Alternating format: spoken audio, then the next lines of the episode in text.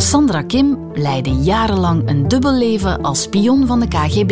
Ja, daar zijn koppen voor gerold, hè. Goeie mensen, hè.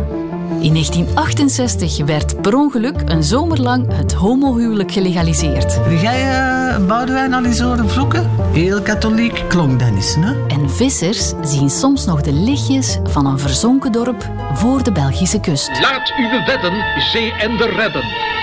Een noodkreet om het kleine dorp te vrijwaren van het sturende water.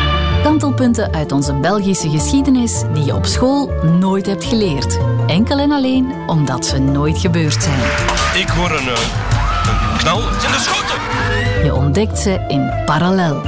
Een podcast over een waargebeurde Belgische geschiedenis met alternatieve feiten.